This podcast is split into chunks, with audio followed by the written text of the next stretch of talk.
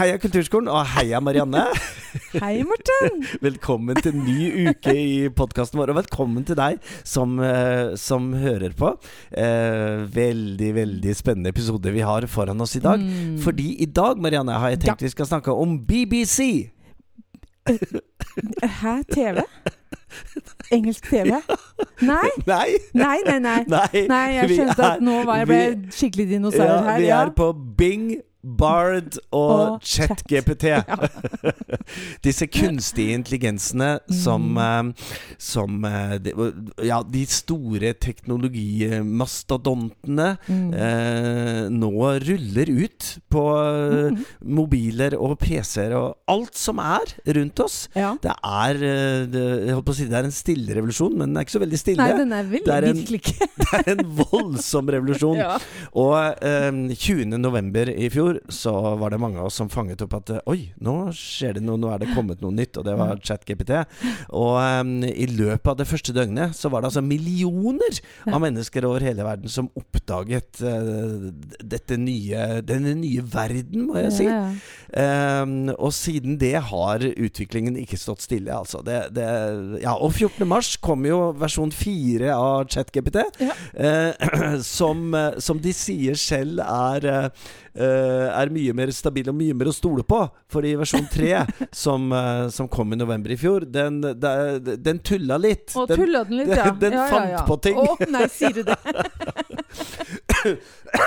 og for deg som er, som er um, helt utenfor, eller tenker hva i all, verden er dette, så er det altså AI, Artificial Intelligence, eller K... Eller på norsk. Ja, KI. KI. Kunstig intelligens. Uh, hvor, um, hvor, noen programutviklere har lastet utrolig mye informasjon uh, inn i uh, Ja, for å si det enkelt, inn i en datamaskin. Ja.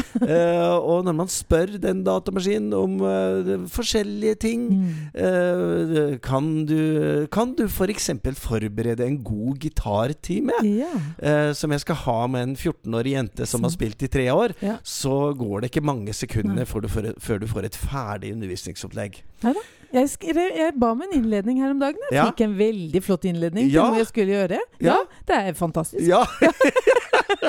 jeg hadde ikke tid til å lage, tenkte jeg. Jeg prøver! Nei, og vi, og vi, må jo naturligvis her i podkasten være, være, med på utviklingen. Absolutt. Og i den sammenhengen så har vi tenkt at det vil være lurt å rett og slett snakke snakke med noen som har noen tanker om det, og som vet, uh, vet noe om det. Ja. Og, og, jeg startet rett og slett helt på toppen på Norges musikkhøgskole ja. med å ta en prat med Håkon Kvidal, som er førstelektor i fagseksjon for musikkteori, komposisjon og ikke minst musikkteknologi. Ja. og, um, og, spørsmålet til Håkon var jo uh, Altså, det, dette kommer som en rakett denne utviklingen. Og hva tenker han, og hva tenker Norges musikkhøgskole om, uh, om dette? Så la oss høre på praten med Håkon. Altså, uh, Som all annen sånn utdanningsvirksomhet, eller all virksomhet, tror jeg dette kommer inn som du sier, en litt sånn rakett som, som, virker litt forstyrrende og mm. utfordrende. Det er litt sånn disrupsjon i praksis, at det kommer en teknologi som endrer kan oppleves som at det endrer liksom noen sånn grunnleggende forutsetninger for hvordan vi kan jobbe. Da. Jeg tror eh, Mange tenker at dette er ikke relevant for meg, mens mange tenker at oi, her ser jeg mange muligheter. Og så kanskje også noen som tenker at dette må vi forby. Nei, altså, jeg tror ikke så mange av dem her hos oss, egentlig. Jeg tror de fleste har en sånn genuin nysgjerrighet på å egentlig utforske alle muligheter for å legge til rette for elevens eller studentens læring. da. Mm. Uh, og så er vi nok inn i en fase nå hvor noen undersøker hva dette kan brukes til. og uh, Fra det første sjokket der man tenker at å du verden, hva skal jeg gjøre i undervisningen min nå, som eh, studentene kan bare få produsert en tekst. Mm. Når det første sjokket der har lagt seg, og begynner å se på hva, men hvordan kan det, hva, kan, hva kan dette egentlig gjøre? Mm. Og hvordan kan jeg bruke det i min undervisning? Så tror jeg det er mange som ser mange fine muligheter. Mm. Og, så, og så er jo dette noe vi bare må forholde oss til. Dette forsvinner ikke. Dette er et superbra verktøy. Og så må vi ha en kritisk tilnærming der vi spør oss hva det kan gjøre, og ikke minst hva det ikke kan gjøre. da. Mm.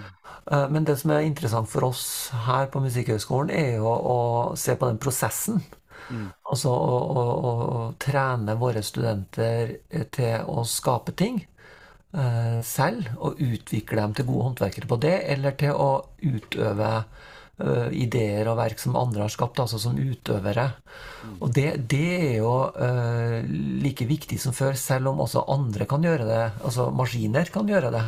Mm. Fordi altså, disse kunstige intelligensene, de kan Hvis jeg tenker på ChatGPT, da, uh, så kan den produsere tekst. Men det er ikke nødvendigvis en god tekst.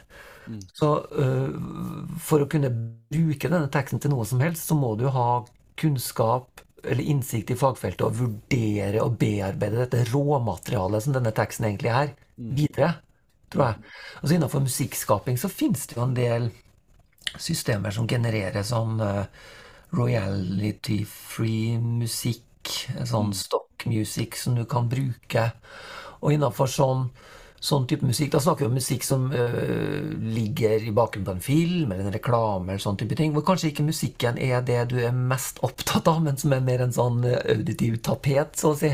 Mm. Så brukes jo dette en del. Men hvis du skal skape et kunstverk som står på egne ben og er mm, veldig interessant og nytt, kanskje, så kan du bruke det som et råmateriale og komponere videre på det. Mm. Det kan gjøre, Sånn tror jeg vi tenker med tekst òg. Men når det gjelder selve undervisningen, så ser vi at det å be studentene å gulpe opp informasjon, det er ikke nødvendigvis en god måte å legge til rette for læring på lenger. Men mm. hallo, altså det, det, burde vi ha slutta med for lenge siden. For vi har jo lenge leva i et informasjonssamfunn mm. hvor informasjon er mer tilgjengelig enn noen gang. Jeg tror jeg har lest her i en bok nylig Thomas Syland Hva heter han? Thomas, Thomas Syland Eriksen. Ja, Han skrev tidlig på 2000-tallet at uh, problemet kommer til å bli for mye informasjon. Og det, var jo, det er jo helt riktig. Altså, det å finne fram i all informasjon er jo utfordringen. Kildekritikk og ha nok innsikt i et fagfelt til å vurdere om denne informasjonen er riktig eller god. Mm. eller ikke. Og det er jo der vi står nå med bruk av sånn type verktøy, at vi må lære studentene dette her. Mm. Hvordan kan de bruke det for å Uh, altså Jeg bruker jo selv i skriving. Det er klart jeg mm. gjør det. Uh, jeg skrev en artikkel her eh, om blandet læring, altså undervisning i kulturskolen hvor en kombinerer møter ansikt til ansikt med, med, læring i et digitalt læringsmiljø. Mm. Og da gjelder det jo egentlig å finne de gode spørsmålene. Mm. Og så kan man jo stille dem f.eks. til ChatGPT, og så kan man jo få noen nye ideer. Det hadde ikke jeg tenkt på.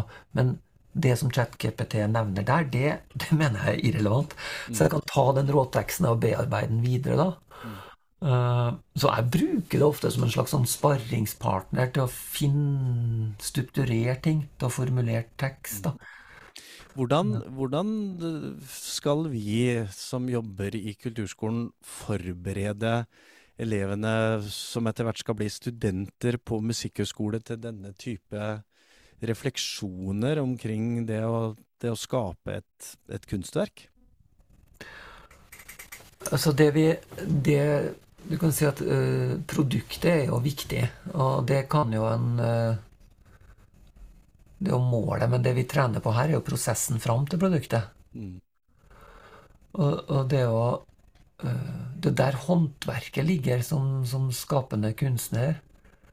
Uh, ja, eh, nevnte for en kollega her i en annen sammenheng i lunsjen nettopp at eh, jeg tror det var Bjørn Kruse som sa det, skrev det i en bok, 'Den tenkende kunstner', at alle har vi ideer, men forskjellen på mannen i gata og en komponist er jo at komponisten veit hva han skal gjøre med den ideen. Mm. Og det er jo det vi trener på, kan du si, eh, for komponister eller for utøvere også. Å trene opp et håndverk som gjør at du kan skape noe og uttrykke deg gjennom dette. da. Mm. Hvordan kan vi bruke kunstig intelligens innen det? Tror, altså, som en sparringspartner. Mm. Som et lite oppslagsverk. Ja, pass opp, som et oppslagsverk. Det er skummelt, fordi uh, hvis vi snakker om chat-GPT, så er jo det ikke, det er jo ikke den er jo også en bullshit-maskin, sier mange. Den sier mye som er feil. Eller skriver mye som er feil. Uh, ja, nå, nå, kom jo, nå, kom jo, den uh, ChatGPT 4 nå her forrige uke. Ja. og Jeg leste en presentasjon av den at uh, nå var de veldig stolte, for nå, nå var de kommet til et punkt hvor ChatGPT ikke lenger bare fant på ting. Nei, for det er jo sannsynlighet. Altså den Hva er mest sannsynlig svar, er jo det den ligger der. Det er jo ikke en faktarobot sånn den, den hva er et trolig riktig svar, sånn rent statistisk, og så kommer mm. den med det. Mm, ja. men, men, innebærer det at den refleksjon, altså det å trene på å reflektere rundt uh, egen prosess og de, og de, svarene man får, det være seg musikk, teater, visuell kunst eller, mm. eller dans, at det er, det er, en viktig del av, av utdanningen også på kulturskolen? Ja, det, det veit du mer om enn meg, for det er du som uh, Det var et litt ledende spørsmål. men, uh, men, jeg håper jo det. Mm. Jeg håper jo virkelig at, uh, at, også innenfor kulturskolen så jobber man med, med å få elevene til å reflektere rundt ting. Men, men det, altså, elever er jo så forskjellige. Altså, akkurat, sikkert, sikkert akkurat som her på Musikkhøgskolen. Eh, de er forskjellige, men, men, jeg vil jo tro at vi stiller høyere krav til refleksjon rundt disse tingene her hos oss enn i kulturskolen. Jeg tror, for jeg, jeg veit ikke. Men, eh, men, det som er viktig her hos oss, er jo f.eks. i musikkpedagogikkundervisningen, da, eller i musikkhistorie og sånn type ting, hvor du fort kan se for deg at det blir sånn faktaoppgulping, det at studentene må kanskje i større grad gjøre noe. Mm bruke den kunnskapen de har tilegna seg gjennom undervisningen, gjøre noe, og så rapportere på det på et vis. Du må anvende denne kunnskapen mer enn å bare liste den opp, da. Mm. Og det, det, er kanskje det vi alltid burde ha sikta mot, da. Ja, det er jo en uh, Altså, jeg kjenner jo dette, som du sier, veldig godt fra kulturskolens side. Og vi har jo historisk uh, kopiert noe av det som kommer fra høyere kunstutdanningsinstitusjoner med denne mesterlæringen. Ja. At det man lærer er å, å, å, gjenta og repetere det som står på notene, eller det som uh, den store guruen sier at sånn skal det være. Og, og vi er kanskje ikke der lenger. Nei, altså øh, Og det har ikke med ja, Kunstig intelligens har kanskje enda tydeligere gjort at den lærerrollen er jo veldig endring i informasjonssamfunnet. Altså Du nevner mesterlærertradisjonen, hvor mesteren eller læreren er nærmest faget. da. Mm. Og, og, og, lærlingen eller eleven må oppsøke denne personen for å få innsikt i faget eller for å tilegne seg informasjon. Sånn er det ikke lenger. Mm du, altså Informasjon er det ikke manko på, som Hylland Eriksson uh, skrev for lenge siden. Det, mm. Vi lever i en tid hvor informasjon om det aller, aller meste er veldig tilgjengelig. Og som jeg har sagt mange ganger, Du trenger ikke å oppsøke Spellemannen oppe i bygda for å lære deg den slåtten. Du kan trolig lære veldig mye via andre informasjonskilder. Mm. Så den lærerrollen er jo veldig i endring. Mm. Uh, altså Fra å være den der uh, mesteren, eller sage on the stage, som man kanskje skriver i en del litteratur, til å bli mer den veilederen, eller guide on the side. Den som veileder eleven eller studentens læring. da. Mm. Og i hvilken læringssituasjon ligger det egentlig bedre til rette for det enn i kulturskoler og Musikkhøgskolen, hvor du har masse én-til-én-undervisning? Mm. Hvor læreren i mye større grad enn i et klasserom faktisk kan ta utgangspunkt i den ene elevens personlige mål og utfordringer. Altså, det, det, må da være en av de viktigste argumentene for at man ønsker den der én-til-én-modellen. Mm. At man virkelig skal ha individuell tilpasning. Så, så, jeg tror vi alle må ta inn over oss det. Og så er det, er det heller ikke sånn, tror jeg, at vi kan ikke uh, Veldig få av oss kan si at 'dette kan jeg alt om å være ekspert på i dag'. For det er så, det er så utrolig mye kunnskap, og det, den kunnskapen øker hele tida. Så, så, det er veldig få som kan si at 'dette er jeg en mester på'. Jeg tror vi må ta inn over oss at det holder med å være den der veilederen som kan mye, og som kan rettlede i elevens læringsarbeid. da. Men som kanskje trå ned fra den pidestallen, da. Eller, eller, kanskje innta en annen rolle som er mye mer effektiv. Mm. Sett, sett i forhold til dagens situasjon, da, hvor vi er mer veiledere. Mm. Altså den der jeg bruker sånn eksempel ofte. Har, har, du sett den Da Vinci-koden? Ja. Der hvor han, um, Hva heter han hovedlengden, heter han professoren. Mm. Som starter med en scene hvor han bare måke ut av seg en uendelighet av kunnskap på et særdeles smalt område. Og vi, å, det er sånn blendende. Og vi kan alle som lærere ønske oss inn i en situasjon, og vi kan se for oss tidligere lærere som vi så opp til, som hadde denne posisjonen. Men men er det en effektiv rolle sett fra eleven og studentens ståsted i dag? Ja, det kan være det, for det kan bli inspirert. Mm. Men alle de der 20-40 møtene i løpet av et år Det er ingen lærere som kan være lengden hver gang, som kan mm. være det blendende forbildet.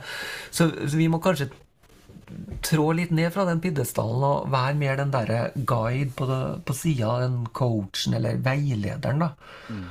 Så jeg, jeg, mener jo at eh, når vi nå tross alt lever i informasjonssamfunnet, så utfordrer det veldig den der mesterlæretradisjonen som vi står i. altså. Og vi må tillate oss å ta med oss det beste fra den, men også kombinere den med de mulighetene som informasjonssamfunnet tilbyr. da. Mm. Altså, ja. Tusen takk, eh, Håkon Kvidal, eh, for eh, nyttige refleksjoner og en interessant samtale. Og, og, lykke til videre med utdanningen av de som etter hvert også skal i kulturskolen og, og være lærere. Så stor takk til deg. Jo, bare hyggelig. Takk skal du ha. Ja, Marianne, da fikk ja, ja. vi jo bekrefta at uh, dette må vi forholde oss dette til. Dette må vi rett og slett forholde oss til. Og vet du hva? Nei. Det er faktisk ikke så veldig mange Det er kanskje et par-tre uker siden. Ja. Jeg la ut noen Altså, jeg er, jobber jo litt som fotograf, på si. Eh, og la ut noen bilder av en svensk fotograf som heter Jonas Petersson. Ja. Han har et uttrykk som jeg bare syns er så kult. Ja helt sånn surrealistisk. Og yes, yes faktisk. Gjett ja. hvorfor. Jo, fordi han kombinerer sine skills som fotograf med kunstig intelligens. Oi! Han får, og, han får, hjelp. Han får hjelp, ja, ikke sant? Ikke sant? Og da kom det altså for det første en sånn Jeg skal ikke si det var noe storm, for det var ikke, men det kom kommentarer i da feltet under det ja. innlegget jeg hadde laga. Ja hvor jeg blei spurt om er du klar over at han bruker kunstig intelligens. Aha. Og så tenker jeg ja, det er jeg faktisk ja. klar over. Det ser jeg jo. Ja, for det var litt sånn uh, Akkurat som der gjelder det ikke, på en nei, måte. Litt lavere Mens kvalitet, han eller? er jo på en måte opptatt av å bruke Altså at han er regissøren, ja. styrer KI-biten ja. som han uh, ønsker at den skal være. Ja. Uh, og bruker det som et verktøy for å kombinere sine evner mm og de mulighetene som ligger innenfor kunstig intelligens. Og da snakker vi. For han gjør altså det som Håkon snakker om, altså ta styring og, og tenke sjæl. ja, ja, og derfor så tenker jeg at det, det her med mesterlære og det her altså Ja, det blir utfordra i aller høyeste grad, mm, men mm. vi trenger jo evnen til å vurdere og tenke allikevel.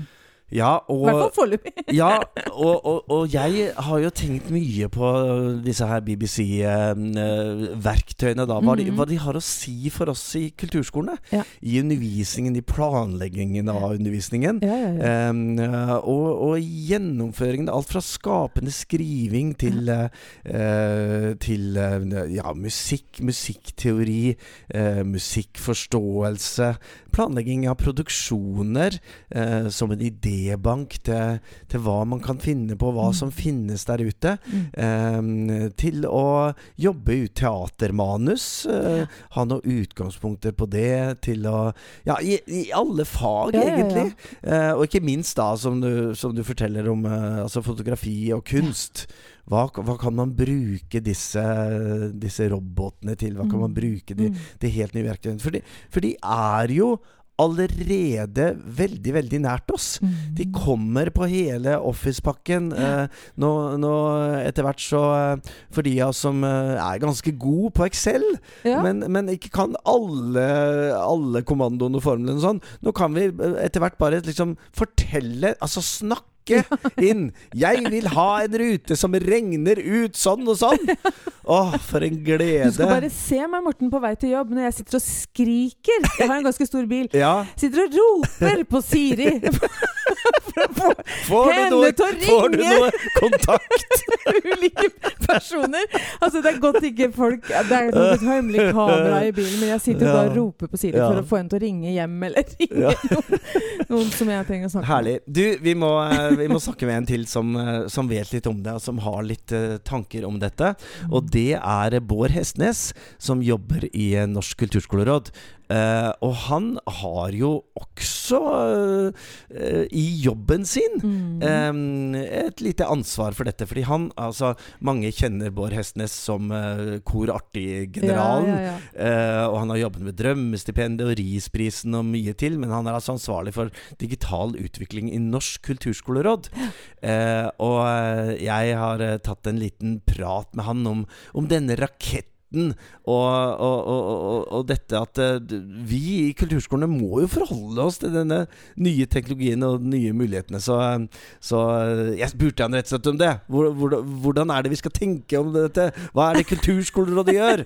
Den raketten. Og hvordan kan vi bruke det, ikke minst. Og la oss høre på hva han svarte på mine spørsmål. Nei, det kan du spørre om, men klart. Chat GPT hadde jo veldig sånn vind i seilene her i høst, i hvert fall. Mm. Da det ble eh, innført. og eh, Skoleverket var jo kanskje tidligere ute enn å ta stilling til den hva vi har vært i Kulturskole-Norge. Mm. Eh, men det er klart, chat-GPT kommer for å bli. Så mm. det må vi jo forholde oss til både i Kulturskolerådet og ikke minst i alle kulturskolene. Mm. Ja, for hvordan, hvordan, er det dette ser ut for en, for en lærer i musikk, teater, visuell kunst, øh, ja, dans? Er det, er det noe vi kan bruke det til? Ja, noen føler jo kanskje som en trussel. Mm. For både mesterlærertradisjon og måtene vi kanskje opplærte å lære et instrument på. Andre ser det jo som en, kanskje en nyttig læringspartner. Mm. Og jeg velger å være litt optimistisk og syns jo at eh, alle sånne duppeditter som kommer er veldig spennende. Og til syvende og sist så er det jo fint hvis vi klarer å få nettopp sånn type verktøy til å være motiverende for våre elever. Mm. For både økt læring og økt øving. Mm. Men det er klart innenfor de kunstfagene vi har i kulturskole, så er det jo en god del utfordringer selvfølgelig med det. Mm. Med Grunnskolen har jo vært litt sånn opptatt av at det her er en trussel, og ikke minst for juks. og eh, Nå har vi jo ikke noen karakterer i, i kulturskolen, så sånn sett unngår vi det. Men det er klart, det er jo ikke noe problem å få chat GPT til å skrive en tekst, hvis du f.eks. går på skapende skriving, da, mm. som er et viktig fag. Også, det er jo noe med å kjenne sin besøkelsestid, og at nettopp sånne ting brukes med omhu, tror jeg. Mm. Ja, for det er, det er, mye vi kan få ut av det som lærere, f.eks. i planlegging av undervisning? Ja, jeg har jo sjøl testa litt, eh, for det blir litt spennende. Ja. Og du spør om ting om det er undervisningsplanlegging, om det er gitarundervisning du driver med, så får du jo veldig bra svar. Mm. Uh, han har bomma en del, jeg testa litt forskjellige ting, da, så det, det bommes jo litt. da. Ja. Så alt er vel ikke rosenrødt ennå, men det er klart når det der uh, får ta litt tid, mm. spesielt og det å spørre på norsk, den er vel kanskje litt mer presis hvis du spør på engelsk. Jeg testa mm. litt det. Mm. Uh, men det er klart uh, ting kanskje vi har brukt veldig lang tid på å forberede undervisning og sånn, det får du jo faktisk løst kanskje på noen få sekunder. Mm. Samtidig er det jo kanskje en sånn litt sånn uh, minus med at du lærer jo veldig mye av å bruke litt tid på undervisningsplanlegging. Mm. Du må søke litt på det litteratur og sette inn i ting eh, som lærer. Men det er klart, i en hektisk eh, kulturskolehverdag så ønsker jeg egentlig sånne ting velkommen i at du kan være med og planlegge. Men det er jo utrolig viktig her og at du er litt kildekritisk, da. Mm. Ja, kulturskoler da, da har jo jobba i, i, ganske mange år, og ikke minst under og etter pandemien, med å legge til rette for å, å tenke ut løsninger på digitalitet, raske linjer og, og nye måter å undervise på? Altså, har ChatGPT en plass i den planleggingen dere gjør i Norsk kulturskoleråd? Ja, det er jo såpass nytt for oss og det her med ChatGPT. Eh, som du sier, vi har jo prioritert kanskje også jobbe mer med ja, Vi har et prosjekt som heter Kulturnett 3.0. Mm. Der det går på eh, det å drive undervisning eller samspill i sanntid. da. Det så vi jo litt på eh, Vi bestilte jo fra Telemarkforskning en rapport hvordan kulturskolene har opplevd pandemien. Og da ser vi at Det har vært en del utfordringer selvfølgelig i det å drive undervisning, i hvert fall i sanntid. Mm.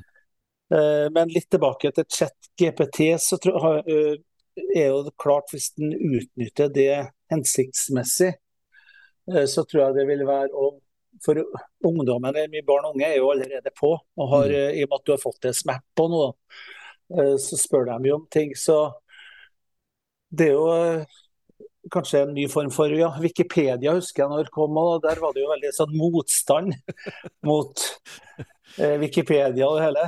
Ja, ja. Eh, sånn at eh, Og jeg ser jo at veldig mye av eh, Så på medieundersøkelser over 90% av barn og unge er jo på YouTube. Mm. Og så at klarer man jo å kombinere det med å bruke Eh, digitale verktøy eh, sammen med kanskje og det fysiske møtet i kulturskolen, mm. Eh, så tror jeg det kan bli spennende undervisning. Mm. Men det er klart det er en god del utfordringer med det med hensyn til alt fra opphavsrett. Da. For veldig mye av det her det bygger jo på det å så transformere. Så liksom sånn hvis du bygger på bildegeneratorer f.eks. i visuell kunst, da, mm. Eh, så er det jo diskusjon om stjeler du fra åndsverket? Mm. Og når du kanskje endelig får ut det, er det, er det du som elev eller lærer som står for, uh, for, det, eller er det datamaskiner som er komponisten eller uh, mm. tekstforfatter, eller mm. så, så, det er jo en god del sånn haker til dem som jobber virkelig med det å ivareta åndsverk. Så der er det store utfordringer, tror jeg. Mm. Ja, for den, så, ja, for det vi, har, det vi, har sett til nå, er jo det at eh, det som genereres av ChatGPT, eh, f.eks. på på musikk, da, er ikke så imponerende. Jeg så en YouTube-video om kan uh, ChatGPT komponere, og det, det, som lå på YouTube, det, det var ikke veldig imponerende. Nei, da så tror jeg det går veldig mye på Du må faktisk ha en bra fagkunnskap. Mm for å spørre om det riktige. Mm. Jeg hørte jo en gitarist her, der var det satt sammen var 36 gitarister som uh, spilte da virtuelt sammen. Mm. Og en del filmkomponister uh, bruker jo uh, kunstig intelligens for å skape alt fra lyddesign til beskrive stemninger og sånn. Mm. Slik at bruker man det jo og litt kreativt, så kan det jo være et veldig godt hjelpemiddel. Mm, mm. Men som du sier, det, det, er jo noe med å være stolt av det du står for sjøl, da. Mm, mm, mm. eh, sånn at der er det jo eh, viktig, tror jeg, at uh, lærere, i hvert fall hvis det skal brukes i uh, låtskriving, komponerer, arrangering og sånn, kanskje har en runde med sine elever på litt holdninger av det hele. Mm. Eh, slik at man eh, ja, god digital dømmekraft og hva bra og ikke bra. Og, uh, slik at det blir en bevissthet mm. rundt det. Men det, for det er veldig fort gjort at en del sånne tjenester kan liksom overta. Eller for det å skrive ting sjøl og skape ting sjøl, det gir jo en mestringsfølelse. og jeg husker første gang jeg har arrangert når du får høre det sjøl, du blir helt stolt av det. Ja. var det, var det, hørtes det sånn ut som du forestilte deg det, når du hørte det? uh, nei, det kan du si. Og vi måtte jo, i tida der så måtte vi jo gå faktisk et studio og spille inn ja, for å klare å høre det. ja. Det er jo fine med en del dagens musikkproduksjon, at du har jo det tilgjengelig. Ja, så du får i hvert fall uh, hørt et, uh, en skisse av det. Mm. Men hvis vi skal oppsummere da, Bård Hestnes. Er det, er det sånn at ChatGPT er, er kommet for å bli, eller har en plass i, i kulturskole, både undervisningen og hverdagen? Eh, det tror jeg nok. Eh, for vi klarer nok ikke å stoppe den enorme teknologiske utviklinga som ligger i chat-GPT.